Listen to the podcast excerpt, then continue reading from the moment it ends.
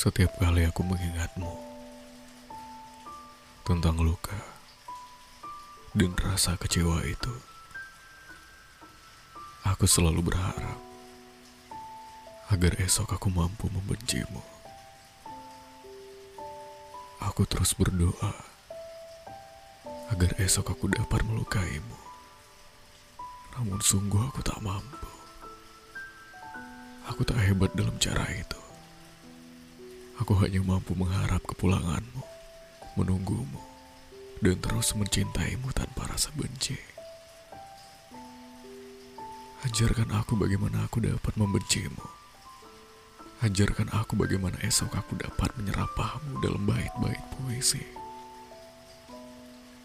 Ajarkan bagaimana agar kau layu, tanpa harus bermekaran dalam hatiku.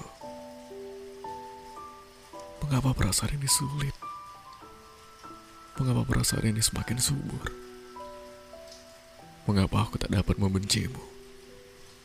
Atau juga tidak? Ajarkan aku bagaimana aku bisa pergi. Sebagaimana kau meninggalkanku. Sayang,